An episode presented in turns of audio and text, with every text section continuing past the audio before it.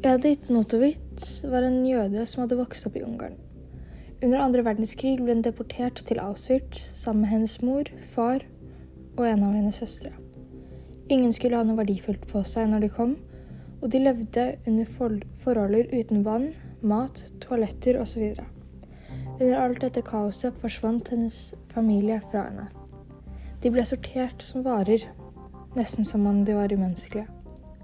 Hun møtte på en mann ved navn Josef Mengeles. Hvem skulle dø, hvem skulle leve? Dette var hans valg, og Edith var en av de få som var heldige nok til å leve.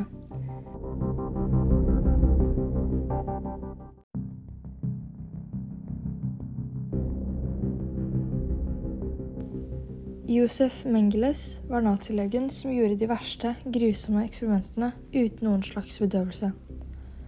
Mengles valgte Edith.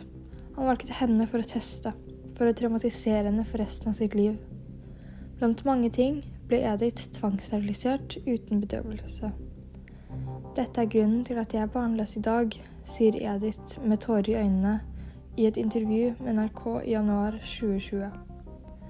Det er ikke lett å leve med denne fortiden, men det er også godt å kunne glemme litt, sier Edith. Likevel husker hun fortsatt hvordan legene skar henne opp. Det har til den dag i dag hjemsøkt henne. Jeg skulle ønske jeg kunne spurt han om hvorfor han gjorde det.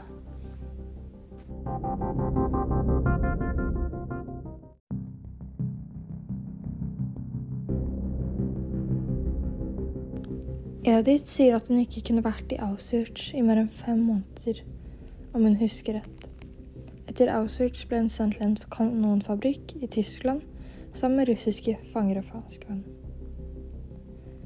Etter at de hadde blitt sortert ut den første dagen i Auschwitz, møtte Edith aldri familien sin igjen. Det var over 440 000 ungarske jøder som hadde blitt sendt til Auschwitz på bare sju uker i 1944. De aller fleste ble drept. Blant disse var det også familien til Edith. Etter at alt var ferdig, kom Edith til Norge etter at hun ble avvist i sitt fødeland. Jeg lever ikke med hat i hjertet, og det er jeg veldig takknemlig for. Dette sier Edith, og hun sier også at etter alt det Josef har gjort, hater hun han fremdeles ikke.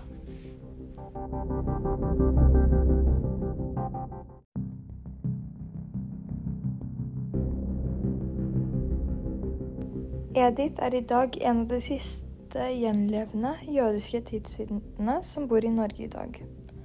Hun hadde planlagt en reise til Auschwitz i 2020, men dette ble avlyst pga. Av korona. Hun har sagt at denne turen til Auschwitz skulle være en avsluttende faktor til livet hennes. En avslutning, rett og slett.